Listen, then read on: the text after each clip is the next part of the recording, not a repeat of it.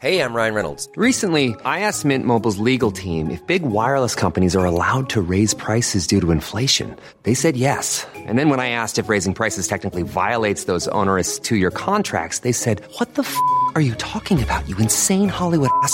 So to recap, we're cutting the price of Mint Unlimited from $30 a month to just $15 a month. Give it a try at mintmobile.com slash switch. $45 upfront for three months plus taxes and fees. Promo rate for new customers for limited time. Unlimited more than 40 gigabytes per month. Slows. Full terms at mintmobile.com. Quality sleep is essential. That's why the Sleep Number Smart Bed is designed for your ever evolving sleep needs. Need a bed that's firmer or softer on either side? Helps you sleep at a comfortable temperature? Sleep Number Smart Beds let you individualize your comfort so you sleep better together. JD Power ranks Sleep Number number 1 in customer satisfaction with mattresses purchased in-store. And now save 40% on the Sleep Number limited edition Smart Bed for a limited time. For JD Power 2023 award information, visit jdpower.com/awards. Only at Sleep Number stores or sleepnumber.com. Planning for your next trip? Elevate your travel style with Quince. Quince has all the jet-setting essentials you'll want for your next getaway, like European linen, premium luggage options, buttery soft Italian leather bags, and so much more. And is all priced at 50 to 80% less than similar brands. Plus, Quince only works with factories that use safe and ethical manufacturing practices. Pack your bags with high-quality essentials you'll be wearing for vacations to come with Quince. Go to quince.com/slash-pack for free shipping and 365-day returns. Palmemordet Viktor Gunnarsson del 16 De anonyma breven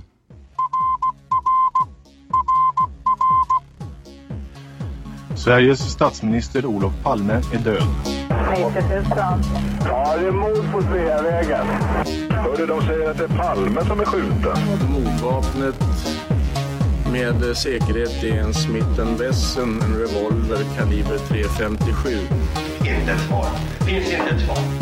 För jag har inget. Och jag har inte varit Varför skulle jag göra Polisen söker en man i 35 till 40-årsåldern med mörkt hår och lång mörk rock. Välkomna till podden Palmemordet. Idag med mig, Tobias Henriksson på PRS Media. Den här podden sponsras av Maxulin. Maxulin är ett kosttillskott för män och innehåller testofen, magnesium och zink. Om du går in på maxulin.se palme och beställer så är du med och tävlar om en resa till Stockholm med en Palmevandring. Då kommer poddens grundare Dan att guida dig på och runt mordplatsen. Om ni som lyssnar vill hjälpa podden att överleva och se till att vi kan ta oss an stora spår, som till exempel polisspåret, gå in på patreon.com palmemordet, alltså p-a-t-r-e-o-n.com och donera en summa som podden får per avsnitt. Det är från er lyssnare vi får de största inkomsterna, så alla bidrag är välkomna. Innan vi drar igång avsnittet på allvar har jag en nyhet exklusivt för er lyssnare. Det har ju varit mycket uppmärksamhet kring Skandiamannen och den nyutkomna boken Den osannolika mördaren på sistone. Vi jobbar på en intervju med författaren Thomas Pettersson och hoppas kunna presentera denna under hösten. Tack vare kontakten med dem har vi också ett erbjudande som bara gäller er som lyssnar på podden. Om ni går in på shop.offsidepress.se och beställer Den osannolika mördaren så får ni som lyssnare 75 kronor rabatt på boken. Det enda ni behöver göra är att ange rabattkoden Skandiamannen. Om ni har frågor om hur ni går tillväga finns mer information på facebook.com palmemordet. Vi säger stort tack till Thomas Pettersson och Offside Press för det här erbjudandet. Idag ska vi bryta av lite från polisspåret och ägna oss åt det andra stora spåret på sista tiden, nämligen Viktor Gunnarsson. Ni har hört en hel del om hans liv, utredningen mot honom och mycket mer. Men idag ska vi prata om något som kanske inte är känt för alla. För under utredningen mot Gunnarsson och även efter denna kom det med viss regelbundenhet en massa anonyma brev till folk som hade med utredningen att göra eller som på något sätt hade makt i Sverige. Det lättaste sättet att få en uppfattning om breven är att citera Anders Leopold som får ta del av samtliga brev. I sin bok Jag sköt Olof Palme är han väldigt bestämd med att det är just Viktor Gunnarsson som skrivit breven och efter att ha studerat dessa kan man konstatera att han inte är det utan anledning. I citatet från boken kommer ni också att få höra en minst sagt fantasifull beskrivning av hur mordet gick till. Vi på podden Palmemordet pekar inte ut Gunnarsson som författare av breven, utan konstaterar bara att mycket av Anders Leopolds resonemang stämmer förbluffande bra på den misstänkte 33-åringen. Så här skriver Leopold, citat. Den 4 april 1986 publicerade vi stort uppslaget på nyhetsplats i Expressen en anonym insändare om mordet på Olof Palme, undertecknad Den misstänkte. Vi avslöjade att författaren var den så kallade 33-åringen som suttit anhållen som misstänkt för mordet på Olof Palme som gärningsman, alltså Viktor Gunnarsson. Man kan tycka att han lika gärna kunde ha signerat den med sitt namn, men som vi sett tidigare var i hans ögon inte alltid 33-åringen och Viktor Gunnarsson samma person. Och här bryter vi för att säga att det kan ni höra mer om när Anders Leopold själv berättar i intervju med mig om Viktor Gunnarsson. Tillbaka till boken. Drygt ett år senare bekräftade han själv i sin bok Jag och Palmemordet att det var han som skickat insändaren till TT, tidningarnas telegrambyrå. I denna skriver han, citat, utelämnad text, författade jag en skrivelse och sände den till tidningarnas telegrambyrå. I skrivelsen upprepade jag att jag fortfarande kände mig grovt misstänkt av polisen och smutskastad av journalisterna.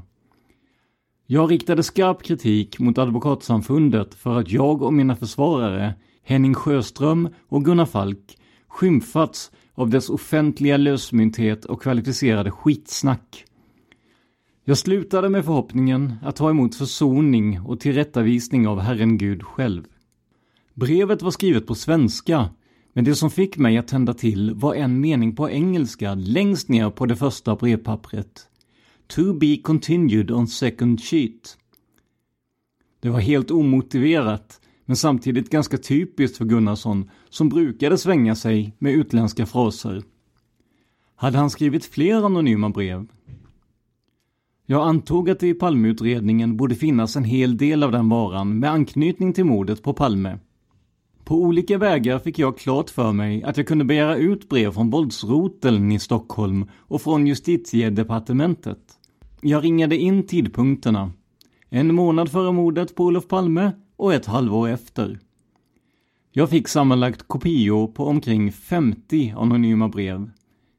Där fann jag ganska snabbt och utan någon tvekan Viktor Gunnarsson som en flitig anonym avsändare i brev med allvarliga hotelser och i brev som fritog den så kallade 33-åringen, alltså han själv.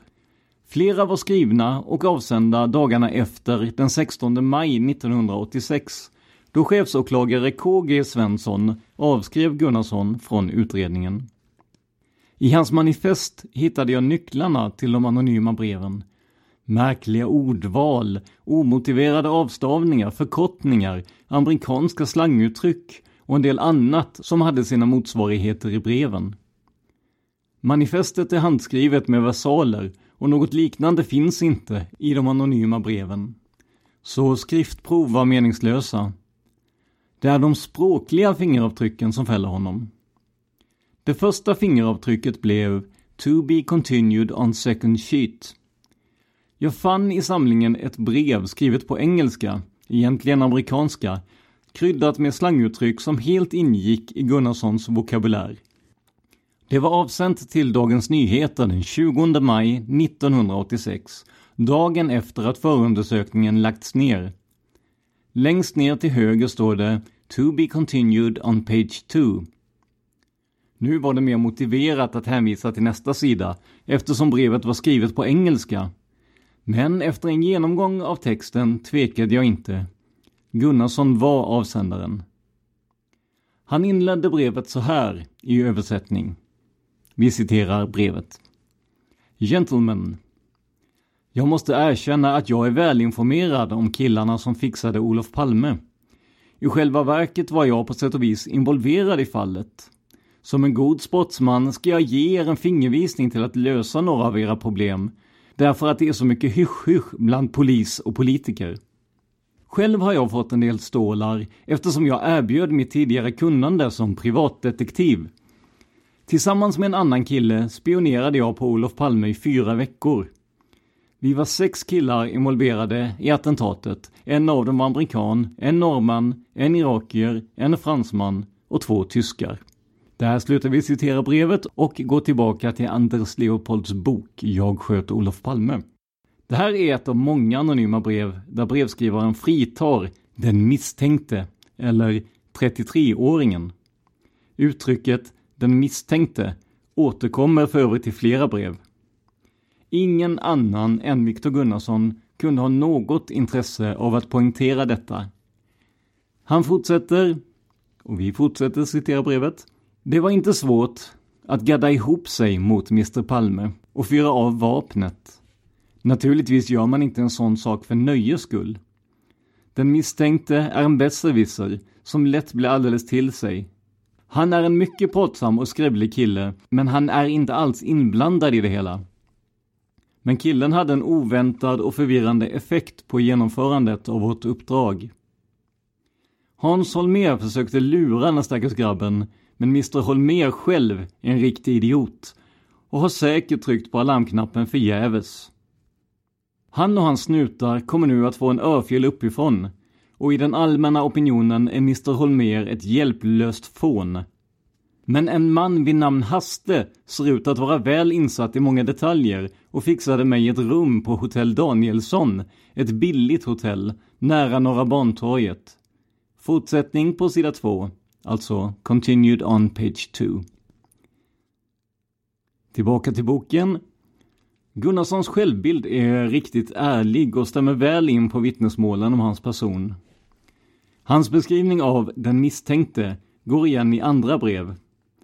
Hans Holmér var vid sidan om förhörsledaren Börje Wingren och justitieminister Sten Wickbom Gunnarssons största hatobjekt, vilket framgår av en hejdlös drift med både Holmér och Wickbom i manifestet.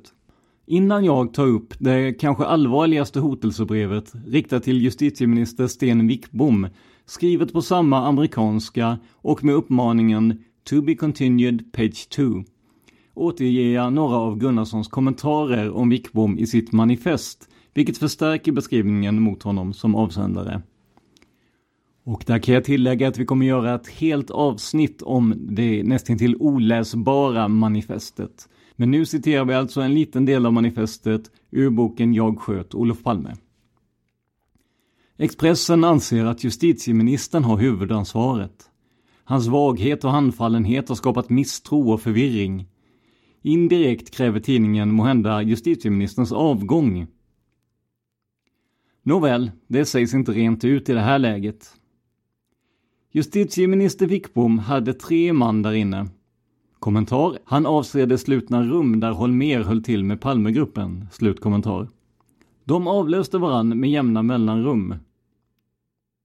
Kommentar. Regeringens, alltså Wickboms, representant i det allra heligaste, vilket betraktas som en sorts övervakning av mordutredningen. Slutkommentar. Jag begärde idag hans avgång. Han kommer att tvingas avgå av det ena eller andra orsaken. Det smartaste är förvisso att själv begära avsked. Utelämnad text. I varje fall fick man en god ursäkt att kicka justitieministern Sten Wickbom som nu må hända blir ny chef för Lantmäteriet i Finspång, eller möjligen Sjöbo. En annan utväg må vara ny ordförande i OK Villospår eller OK Palmerumsdiggare. Måhända kan då allas vår Wickbom öppna en egen bar eller salon i någon av klubbarnas samkvämslokaler. För närvarande, kommentar förkortat FN, slutkommentar, borde han erbjudas en position i FNs UNESCO.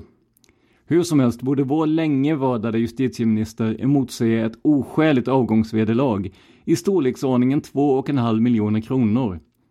Även ledighetskommittén i Växjö eller Värnamo kunde ha nytta av en man i Wickboms kaliber, en jurist i sina bästa årgångar. Angående fritiden kan man tänka sig föreslå en kurs i fransk sopptillagningsteknik samt en fortsättningskurs i hur man bäst bör njuta av franska soppor. Gott om fritidsproblem finns det alltså ont om. Ifall Wickbom inte tar jobbet i Unesco kan han alltid bli Hans Holmérs ständige sekreterare i FN. Nog om förre justitians väktares ljusnande framtid, vilken må vara hans. Kanske får Wickboms tre män i Palmerummet också chansen att göra karriär eller byta arbete. Allting kan ordnas om man bara röstar på rätt parti. Slutcitat brevet. Den 23 maj 1986 öppnade justitieminister Sten Wickbom ett brev som var adresserat personligen till honom.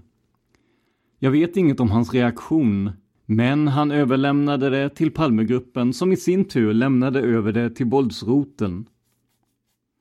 Man ansåg väl att detta bara var ett av alla de tokbrev som justitieministern fick. Men där begick man ett stort misstag.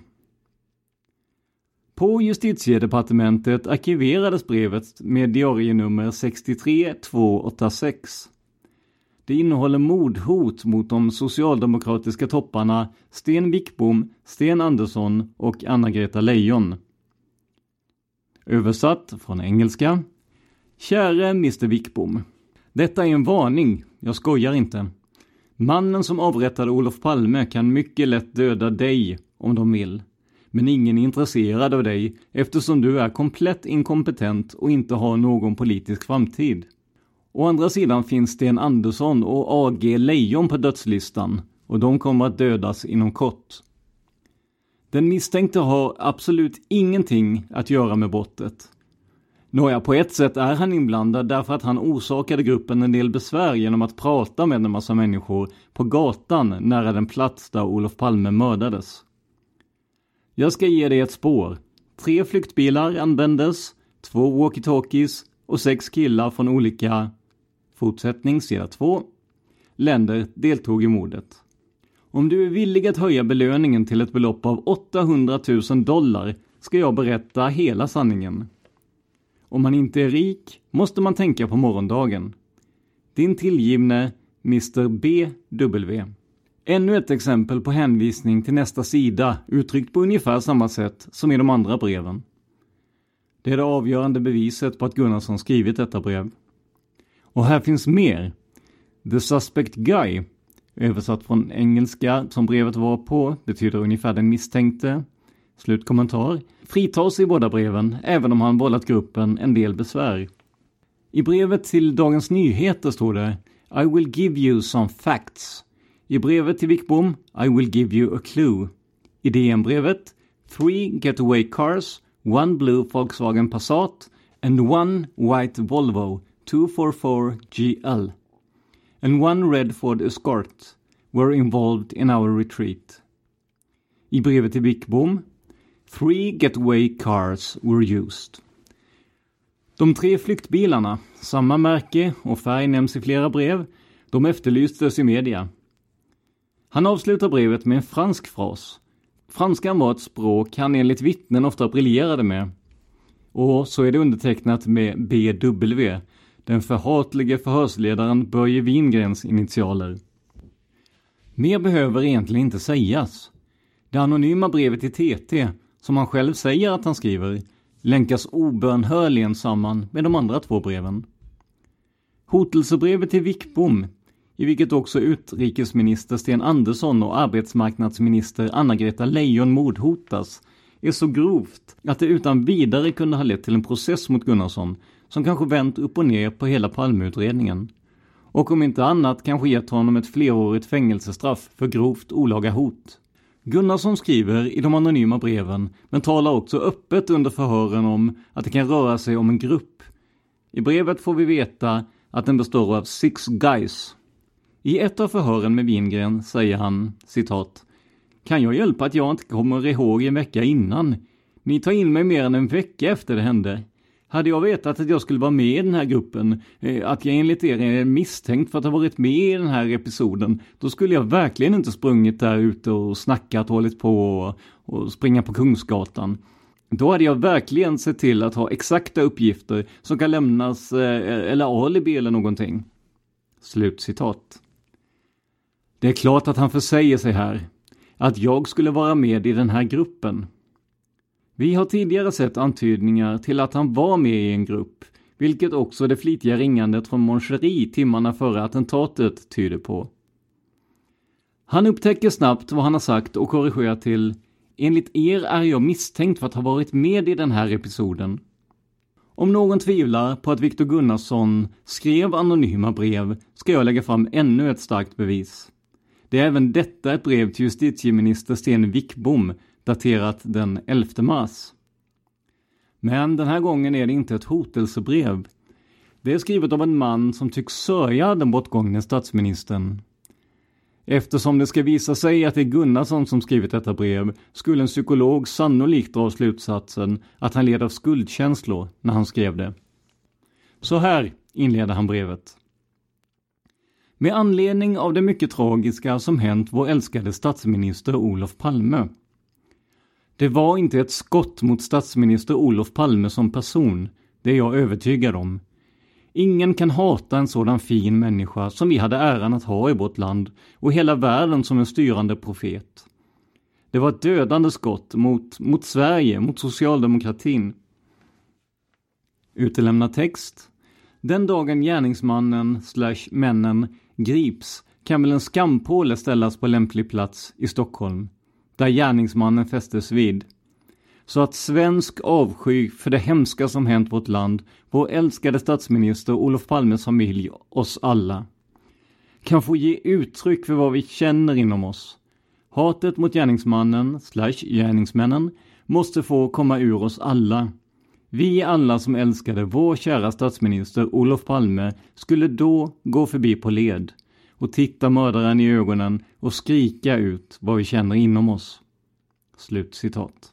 Det är ett vidrigt aktstycke som skrivits av en man som två gånger sagt att han sköt Olof Palme och som en förkrossande vittnesparad pekar ut som medskyldig eller gärningsman. Här kommer nu två fingeravtryck som binder Viktor Gunnarsson till detta brev och därmed gör det sannolikt att han också skrivit dem som återgetts här ovan och flera till. Han avslutar brevet så här. Utländska invandrare bör utvisas efter straffet till de länder där de kom. Vi måste få skapa fram lugnet igen i landet Sverige. Slut citat. Jag har tidigare skrivit att jag funnit detta lite ovanliga uttryck i Viktor Gunnarssons manifest Landet Sverige 19 gånger. Kommentar. Detta kommer ni höra mer om i avsnittet om manifestet. Slutkommentar. Här kommer det i en mening från manifestet vars innebörd i stort sett är densamma som ges uttryck för i brevet. Citat. Nu kommer en tid med ny glasnost som ger landet Sverige en definitiv uppryckning och minskar illviljans och baktalarens chanser att föra svensken bakom ljuset. Slutcitat. Det är andra tongångar än i det här brevet. Vad han antyder är det ju ingen tvekan om. Men så kommer kanske det starkaste fingeravtrycket som definitivt naglar fast Viktor Gunnarsson som brevskrivaren. Han lägger till ett PS. Citat. PS. Var själv mycket god vän med statsminister Olof Palme. Vi hade brevledes kontakt ända sedan 1972. På senare år mycket, förkortat MKT, ofta. Det känns nu mycket svårt att han mist sin vän. Även andra gången är mycket förkortat MKT. Slut citat. Redan i inledningen förkortar han mycket med just MKT. Inte en enda gång i manifestet skriver Gunnarsson mycket, alltid MKT. Det förekommer 12 gånger, i detta brev fyra gånger. Både denna förkortning och uttrycket ”landet Sverige” i ett och samma brev är bevis nog för att Gunnarsson skrivit det. Bara för att vi efter det här eländet ska få dra lite på smilbanden återger jag citat från ett brev till justitiedepartementet 21 maj 1986. Det är en påhittad invandrare från Finland, Kauko Westerinen, som intensivt försvarar 33-åringen. Gunnarsson kunde naturligtvis som språklärare för invandrare också invandrarspråket, men här slår han knut på sig själv. Citat. Och jag ska försöka att inte läsa det här med finsk brytning eh, så att så många som möjligt förstår vad det faktiskt står. Vad nu blir den 33-åringen? Tänk om det är någon polis eller någon andra som inte gillar honom. Därför han eller hon kan peka åt 33-åringen. Jag själv känner många som ser mycket likadan ut. Det betyder att någon som vill peka åt 33-åringen betyder inte alls att han är mördare. Att till exempel 33-åringen, kanske, var den natten nära mordplats, det säger ingenting. Därför det var mycket andra också. Till exempel jag går ofta ungefär samma tid därifrån när möte är slut. Att 33-åringen kan inte säga var han var just mordtiden, det betyder ingenting. Det är mycket folk som kan inte säga när han var igår eller en, två veckor sedan. Vad blir 33-åringens åsikter åt Palme? Det finns med många sammalunda åsikter när det gäller Palmes gärningar. Sluta tala hur god människa var Palme. Att han var någon som en ängel eller Gud, det är Guds smälek. Det är många som säger högmodigt att det är socialdemokrater. Kommentar stavat S-O-S-I-A-L D-E-M-O-K-R-A-D-E-R. Slutkommentar. Att vara någon sortens socialdemokrat, nu stavat riktigt, det betyder att man är redan någon sortens kriminella. Utelämnad text. Jag säger sanningens namnet. Jesu Kristi namnet gör en bättring. Slut citat. Ja, det finns mycket Gunnarsson i det här. Finnen försvarar 33-åringen med stark känsla. Sen ger han sig på Socialdemokraterna, helt i Gunnarssons anda. I manifestet finns det en mängd omotiverade avstavningar, demoralisera, reinvestera, oacceptabelt, ex-statsminister med flera. Här i brevet skräckstunden, mordförsöket, abortmord, frikyrkliga, fångarbetsläger med flera. Invandraren kanske hade svårt för språket, men han var lika duktig som Gunnarsson på att kommatera. Gud finns naturligtvis också med. Men fingeravtrycket här får bli meningen, citat, Jag säger sanningens namnet, Jesu Kristi namnet gör en bättring, slut citat. Viktor Gunnarsson avslutar sitt 251 sidor handskrivna manifest med den här meningen, citat, Gör bättring och omvänd er och låt inte Europadomstolen få chans att fortsättningsvis ge dåliga betyg åt Sverige. Slut citat. Jag, alltså Anders Leopold då, berättade för en rättspsykiater i Lund om Gunnarsson, de anonyma breven och manifestet. Han sa till mig att om Gunnarsson mördade Olof Palme och haft starka politiska motiv med antydningar åt att han räddat oss från det kommunistiska hotet så skulle han resten av sitt liv ha ett enormt behov av att tala om detta och också på olika sätt göra det, till exempel i anonyma brev, där han mycket väl kunde komma sanningen mycket nära utan att erkänna. Eller rent av erkänna under pseudonym och avslöja faktiska detaljer som visar att han är gärningsmannen. Den 23 mars 1987 skrev jag, kommentar alltså Anders Leopold ur boken Jag sköt Olof Palme, slutkommentar, ett brev till Viktor Gunnarsson. Jag hade en baktanke. Kanske skulle jag få ett svar skrivet för hand som kunde öppna möjligheten till en grafologisk analys av hans handskrift. Jag skickade brevet till hans föräldrahem utanför utelämnad ort och berättade att jag hade planer på att skriva en bok om mordet på Olof Palme. Jag föreslog honom att själv medverka i någon form eller att jag åtminstone fick göra en djupintervju den 9 april svarade han med ett maskinskrivet brev. Det återger jag här. Citat. Utelämnad ort. 9 april 1987. Anders Leopold, Expressen, box 4045 203 11 Malmö. Käre människobroder. Jag hoppas allt är väl med dig också, trots den press du arbetar för. Jag, Viktor Lennart Åke Gunnarsson, är helt och hållet oskyldig till det fruktansvärt elaka mordet på vår ex-statsminister Olof Palme. Jag har inte ens tänkt tanken att Palme borde mördas. Emellertid är jag ett offer för den svenska polisens syndabocksorgie som tog sin uppenbara början If you thought the only way to get a more defined jawline with natural looking results was through surgery, think again. Juvederm Volux XC is a non surgical injectable gel filler that improves moderate to severe loss of jawline definition and can help you achieve natural looking results with little downtime. Even better, this improved definition lasts up to one year with optimal treatment. No maintenance required. Improve jawline definition for a smooth, sculpted look with Juvederm Volux XC. For important safety information and to find a licensed specialist, visit juvederm.com. That's J U V E D E R M.com. Not for people with severe allergic reactions, allergies to lidocaine, or the proteins used in Juvederm. Common side effects include injection site redness, swelling, pain, tenderness, firmness, lumps, bumps, bruising, discoloration, or itching. There's a risk of unintentional injection into a blood vessel, which can cause vision abnormalities, blindness, stroke, temporary scabs, or scarring. Talk to a licensed specialist to find out if it's right for you.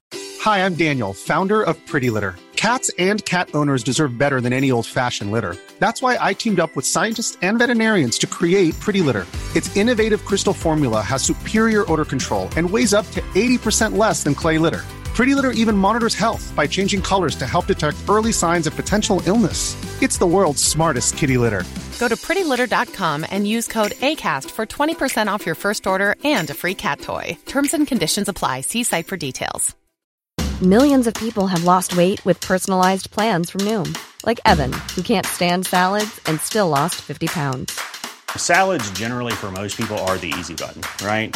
For me, that wasn't an option. I never really was a salad guy. That's just not who I am. But Noom worked for me. Get your personalized plan today at Noom.com. Real Noom user compensated to provide their story. In four weeks, the typical Noom user can expect to lose one to two pounds per week. Individual results may vary. Och med den syndens dag Hans Holmers egen polis grep mig och sedermera delgav mig misstanke om medhjälp till mordet på statsministern O. Palme. Genom citationstecken muntligen. Senare erhöll jag skriftlig anhållan gällande deras, är lika med polisens, komplett galna misstanke som enligt modernast psykologi rubriceras som idén om scapegoat projection vilken somliga inom polisen utnyttjar i syfte att rationalisera en mordutredning eller dylika kriminalfall. Polisen har förvisso lyckats göra bort sig på en del mycket avslöjande punkter, vilka vi måhända skulle dryfta endast oss emellan. Dock är tiden ännu inte inne för ett möte mellan dig och mig. Min egen bok är redan färdig för översättning till engelskan, men jag avvaktar lugnt ett strategiskt tillfälle att publicera boken offentligt. Angående det bifogade fotografiet kan jag frankt och med rent och oskyldigt hjärta meddela dig att det inte är jag som figurerar på den här bilden. Bilden är således ett rent fantasifoster för att misstänkliggöra mig. För övrigt känner jag ingen av de personer vilka finns med på ditt bilagda foto. Med vänlig hälsning, Vic Gunnarsson. Slut citat. Jag fann först inte direkt något i brevet som jag skulle kunna använda som en jämförelse med ord eller uttryck i de anonyma breven. Men ett år senare skulle jag finna det definitiva beviset på att Gunnarsson låg bakom de anonyma hotelsebreven. Att hans bok var färdig för översättning var ju för övrigt en ren lögn, då det inte fanns någon bok. När den väl var klar refuserades den av Bonniers. Författaren Hans Haste var något av en socialdemokratisk ideolog och stod nära Olof Palme och medlemmarna i regeringen. Ända sedan tiden före mordet på Palme hade någon skickat oförskämda och hotfulla brev till Palme och Hastes partikamrater undertecknat med hans namn. De överlämnades till kriminalens våldsrotel i Stockholm. Det var en mardröm för honom att inte ha en aning om vem avsändaren var. Efter mordet blev det värre. Nu fick han själv hotelsebrev i vilka han utpekades som medskyldig till mordet. Jag gick igenom flera brev som undertecknats Hans Haste, men fann också brev som han själv lämnat in till polisen i vilka han hotades till livet. Jag var vid det här laget säker på att brevskrivaren var Viktor Gunnarsson och började sammanställa en analys av breven ställda mot hans eget manifest. Jag tog också kontakt med Hans Haste och berättade att jag visste vem som skrivit hotelsebreven och breven i hans namn. Han trodde inte det var sant. Men det var det. Därmed inledde vi ett samarbete som ledde till att han också fick läsa Gunnarssons manifest. Redan den 14 augusti 1985 kontaktade Hans Haste polisen och anmälde att det skickats oförskämda och hotfulla anonyma brev, bland annat till Olof Palme, i hans namn. Kriminalinspektör Ragnar Bergmark gjorde en resultatlös undersökning. Ett år senare, efter mordet på Olof Palme, hörde Haste av sig igen. Nu handlade det om direkta hotelsebrev med anknytning till mordet. Bergman konstaterade, citat, detta är så allvarligt att det ska gå direkt till Palmeutredningen. Slutcitat. Dit handlingarna också överlämnades. Nya brev kom i Hastes brevlåda och han lämnade dem vidare till mordutredarna. Den 17 mars 1988, sedan jag och Haste haft våra första kontakter, skrev Haste till den nya spaningsledaren Hans Ölvebro och beklagade att han inte hört något om sin anmälan. Han tillade nu, sedan han fått tillgång till mitt material, att allt tydde på att den misstänkte 33-åringen var brevens författare. En polisman ringde på Ölvebros uppdrag och bekräftade att de hade fått breven, men sa ingenting om en eventuell utredning. Beskedet kom istället i Svenska Dagbladet, där Ölvebro bland annat fick frågor om de anonyma breven, och då sa denne att han inte befattade sig med dessa då de inte gällde mordet på Olof Palme. Fullkomligt obegripligt. Nästan varenda brev handlade just om mordet på Palme. Förklaringen till ointresset kom senare. Hela mordutredningen var nu inriktad på Christer Pettersson som anhölls den 14 december samma år och häktades två dagar senare. Jag och Haste träffades många gånger och började sammanställa en analys som byggde på Gunnarssons manifest och breven. Vi ansåg att bevisningen var hundraprocentig. Om vi hyste minsta tvivel så undanröjdes detta den 26 februari 1988. Haste visade mig ett brev som kommit dagarna före ett av våra möten och han var förtvivlad och förbannad. Det var så grovt att han nu bestämt sig för att kringgå Palmeutredarna och göra en regelrätt polisanmälan mot Viktor Gunnarsson. När jag fick brevet i min hand ringde alla larmklockor. Längst upp till höger stod det Utelämnad ort februari 26 1988. Kommentar Den utlämnade orten ligger nära Viktor Gunnarssons hemort och vi väljer därför att inte ta med den. Vi fortsätter citera boken. Jag är uppvuxen i utelämnad ort och vet att i gamla tider stavade stadens namn med C. Men det förekom inte längre annat än i historiska sammanhang. Och i Gunnarssons manifest vid fyra tillfällen och i det brev han ett år tidigare skrivit till mig. Detta är brevet till Hans Haste, daterat två dagar före tvåårsminnet av mordet på Olof Palme. Utelämnad ort, februari 26, 1988. Dear Hans, you think you are a smart guy, but there you are wrong. Nearly two years have elapsed since Olof Palme was killed, and you haven't yet paid your debts. You still owe me and the other guys a lot of money. You have to do what is expected of you, otherwise, we'll take the law into our own hands. And you know what that means. The man who fired the bullet through Palme's spine is still at large. For him, it was just a piece of work ordered by enemies of the Iranian state. No one can escape his destiny. And the Swedish police will not be able to give you any protection. Regards, Stuart. X. Vi var helt övertygade. Nu hade vi honom. Innehållet hade inte någon större betydelse, men det var stavningen av orten med C som blev det främsta beviset. Vi färdigställde vår analys och bestämde oss för att gå så högt upp som det var möjligt. Den 7 april besökte vi Riksåklagarämbetet där vi sammanträffade med åklagarna Jörgen Almblad och Solveig Riberdal. Vi redogjorde muntligen för de mest flagranta bevisen på att Gunnarsson skrivit breven och överlämnade vår skriftliga analys och kopior på de brev som vi ansåg var viktigast, framförallt hotet mot tre regeringsmedlemmar. De båda åklagarna visade stort intresse för våra uppgifter. Vi fick en känsla av att detta skulle behandlas skyndsamt. Under de närmaste veckorna överlämnade Hans Haste ytterligare brev som gick i samma hotfulla ton. Senare framgick det tydligt att åklagarna Almblad och Ribbedal nu dragits in i jakten på Christer Pettersson. Intresset för våra anonyma brev och kopplingen till Viktor Gunnarsson svalnade givetvis.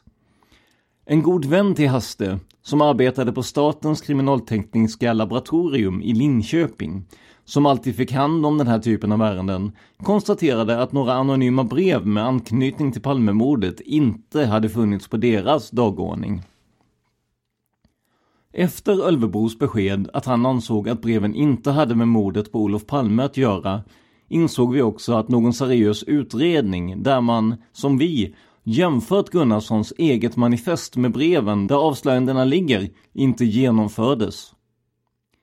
JK Hans Stark beslutade på eget initiativ att undersöka om åklagare och polis hanterat Hans Hastes polisanmälningar korrekt. Till Sydsvenska Dagbladet sa han citat KG Svensson har fattat beslut att lägga ner ärendet beträffande två av Hastes anmälningar. Jag vill veta varför. Slutcitat. Om han fick veta varför och vad hans utredning kom fram till fick jag aldrig klarhet i. Jag avslutar kapitlet om de anonyma breven med två brev som stämmer bra in på rättspsykiatrikerns analys. Det första är ett kort brev, än en gång till justitieminister Sten Wickbom, registrerat på justitiedepartementet den 12 maj 1986. Det andra är ett direkt erkännande med en mängd detaljer, fantasirikt, som många berättelser i Gunnarssons manifest. Och enligt min uppfattning med en kärna av sanning. I det här första brevet vet brevskrivaren att mördaren är en hederlig svensk patriot. Citat. Sluta jaga Olof Palmes mördare. Ni får aldrig tag i honom. Mördaren är en hederlig svensk patriot som har befriat landet från dess värsta plågoande. Han kommer en gång i tiden att firas som hjälte, då det redan finns många bland svenskarna som tänker med tacksamhet på honom. De som belöning utlovade pengarna för den som anger honom lägg på banken så hans barn kan få dem med ränta. Underskrivet en svensk patriot. Slut citat. Här finns inga direkta fingeravtryck. Jo, möjligen att det liksom i flera Gunnarsson-brev skickats till Sten Wickbom. Men tonen är just den som rättspsykiatriken tycker sig kunna utläsa ur bland annat detta brev, skrivet av en skyldig som uträttat något som han anser är stort. Behovet av att visa detta, att han ser sig själv fira som en hjälte och drömmen om att svenskarna tänker på honom med tacksamhet.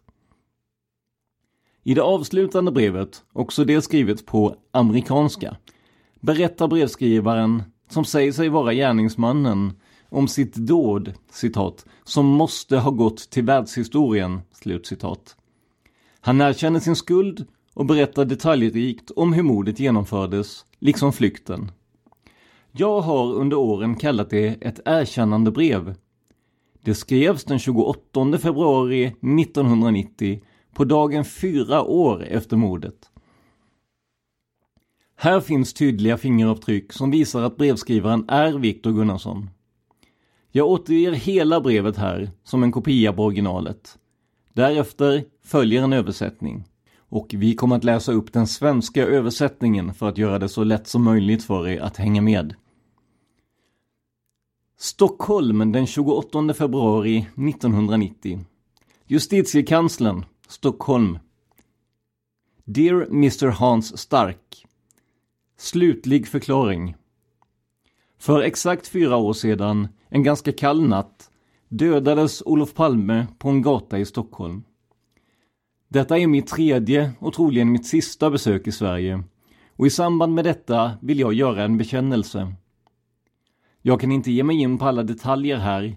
Jag kan bara beskriva huvudlinjerna därför att vi är fler inblandade och det finns inga spår som kan identifiera mördarna. Jag var känd som Abdul Kassem bland de som jag samarbetade med i Stockholm. Naturligtvis är vi bundna vid tystnadsplikt. Det finns ingen anledning för mig att för er avslöja mitt riktiga namn. Under åtskilliga år har jag på bästa sätt tjänat mitt land. Men om uppdraget strider mot min moraliska uppfattning är jag inte tvingad att delta i operationen. Men i fallet Palme fanns det utan tvekan starka önskemål att utan några samvetsbetänkligheter göra av med honom. Han har fått för stor rörelsefrihet av sitt parti. Jag råkade känna till att många av Palmes partikollegor såg något positivt i det som hände. En person som haft mycket att göra med politiker och agenter från utländska underrättelsetjänster besökte mig i mitt hem någonstans i Asien. Han undrade om jag var villig att delta i ett attentat mot en känd utländsk politiker. När han berättade för mig att jag skulle göra en förmögenhet på uppdraget var det aldrig tal om någon tvekan. Min kontaktman reste till Paris för överläggningar och återvände följande vecka och sedan planerade vi vår gemensamma resa till Sverige. När vi var klara med alla arrangemang flög jag till Frankfurt där jag träffade Holger som skulle bli en av mina partners.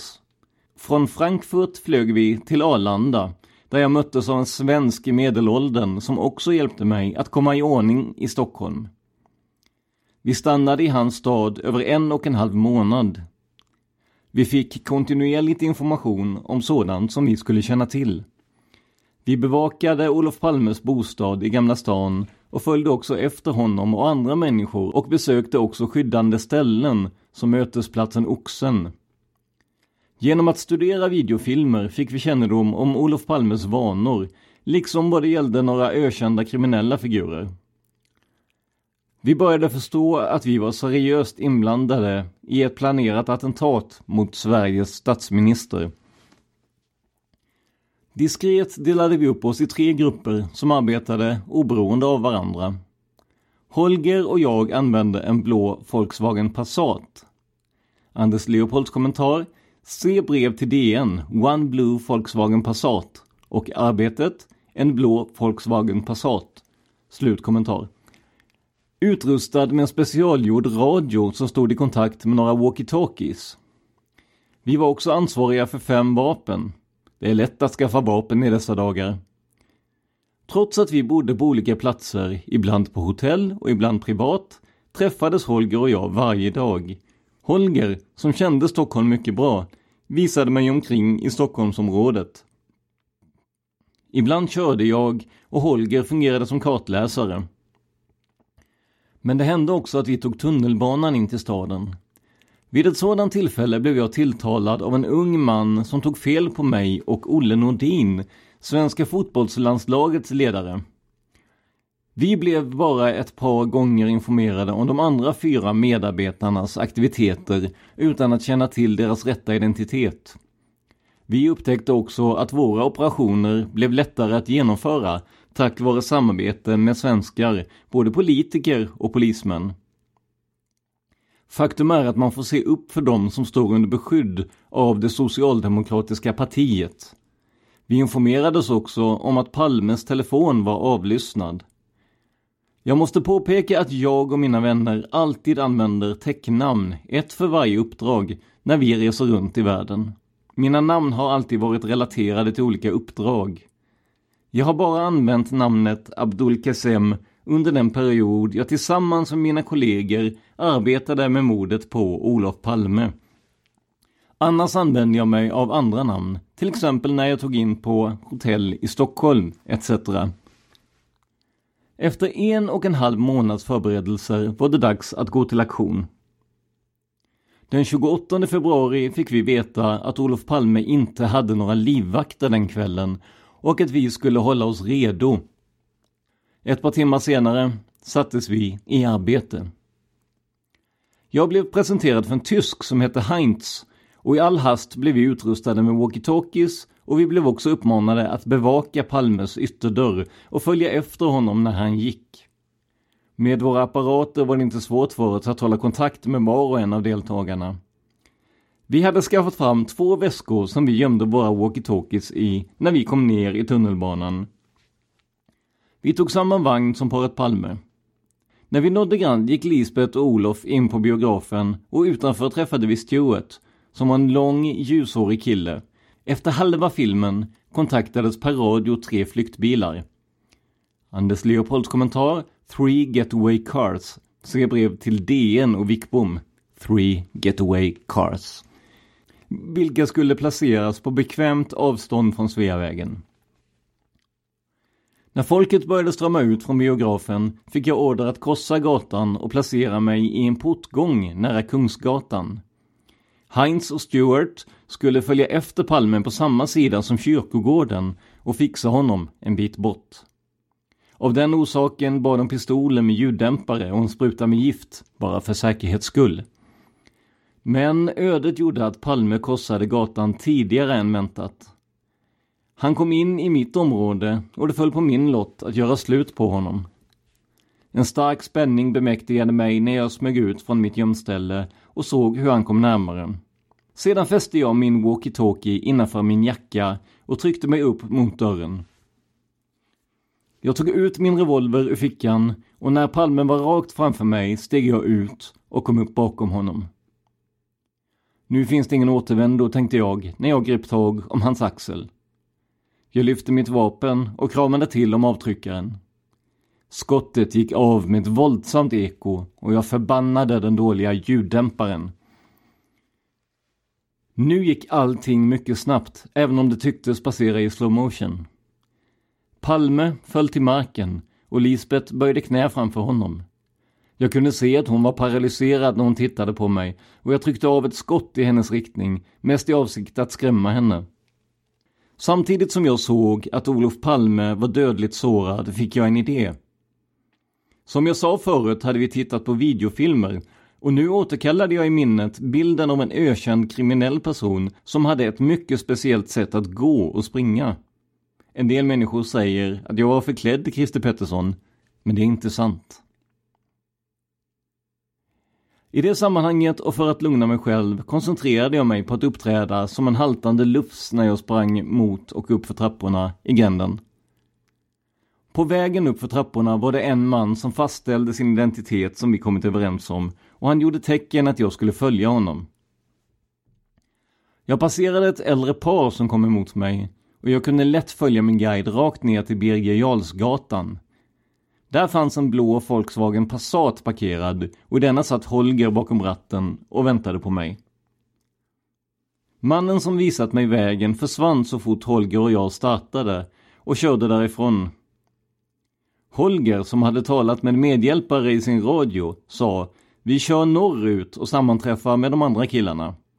Efter en stund, kanske en kvart, sa Holger på tyska Hier ist es. Vi var vid en korsning med en uppfart en bit framför oss till höger. Jag bytte kläder under körningen från en täckjacka till en tunn rutig överrock.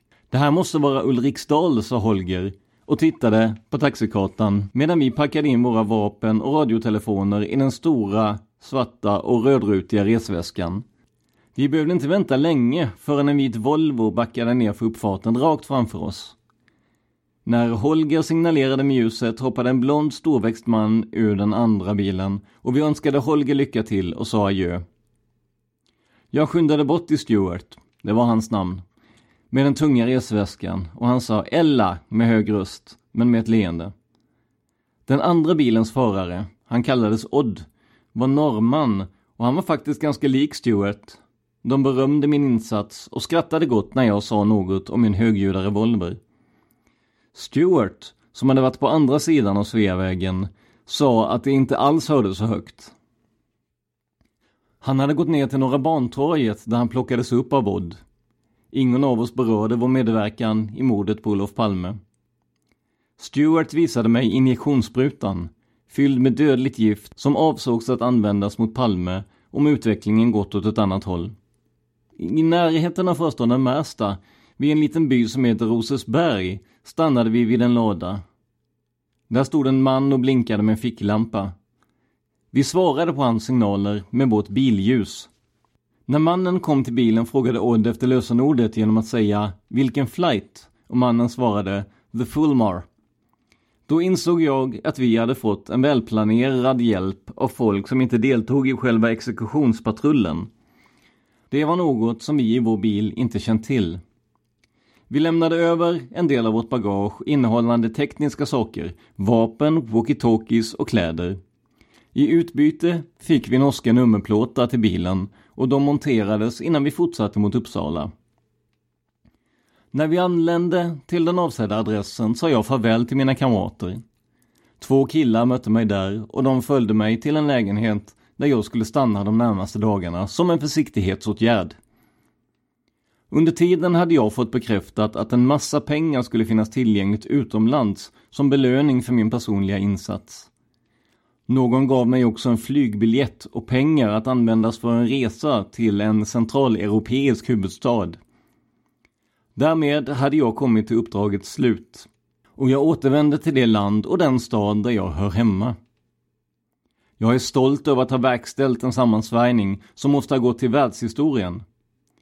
Idag, till Olof Palmes ära, har jag besökt hans grav med den enkla gravstenen, en natursten från en karg ö. Yours very truly, Abdul. PS.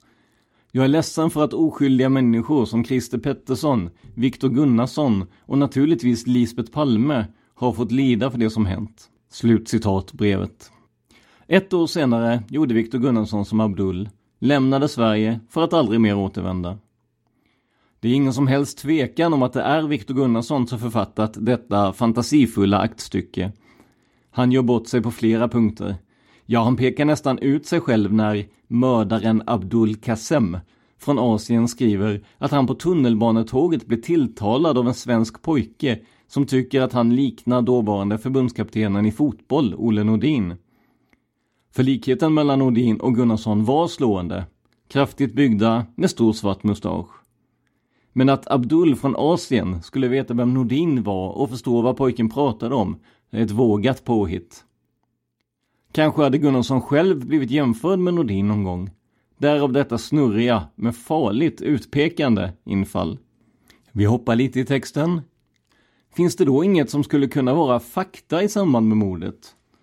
Jo, faktiskt en hel del. Även i detta brev skriver Gunnarsson att gruppen använde Three Getaway Cars We use Two Walkie-Talkies skrivet på samma sätt som i brevet till Wickbom och Dagens Nyheter. Three Getaway Cars Two Walkie-Talkies Holger och Abdul åkte i One Blue Volkswagen Passat vilket även nämns i ett brev till tidningen Arbetet. Längre fram i handlingen behövde de inte vänta länge förrän en White Volvo backade ner. Samma vita Volvo som i de andra breven.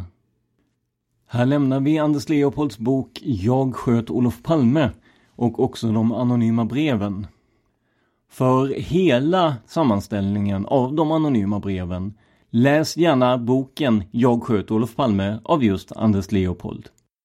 Innan vi slutar vill vi påminna er om att gå in och rösta på vem ni tror höll i vapnet som mördade Olof Palme. Vi har gjort den här undersökningen förut och vi kommer att göra det varje år som podden Palmemordet finns. Vi postar en länk på Facebook till undersökningen. Så besök oss gärna på just Facebook. Facebook.com Palmemordet. Palmemordet finns också på Youtube. Bara sök på Palmemordet. Allra sist vill vi påminna om vår andra sponsor Nextory. Nextory är en prenumerationstjänst för ljudböcker och e-böcker. Om ni går till nextory.se kampanjkod och skriver in koden PALME så får ni 30 dagars gratis Nextory om ni inte tidigare prenumererat hos dem. Det här avsnittet gjordes av mig, Tobias Henriksson på PRS Media.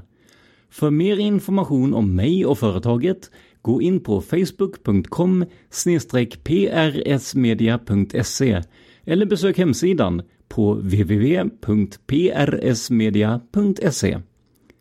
Tack för att du lyssnar på podden Palmemordet. Man hittar Palmes mördare om man följer PKK-spåret till botten.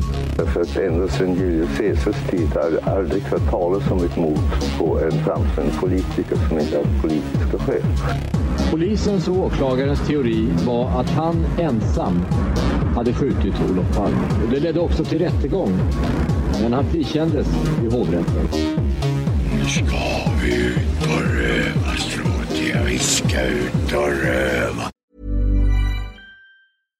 Hi, I'm Daniel, founder of Pretty Litter. Cats and cat owners deserve better than any old-fashioned litter. That's why I teamed up with scientists and veterinarians to create Pretty Litter. Its innovative crystal formula has superior odor control and weighs up to 80% less than clay litter.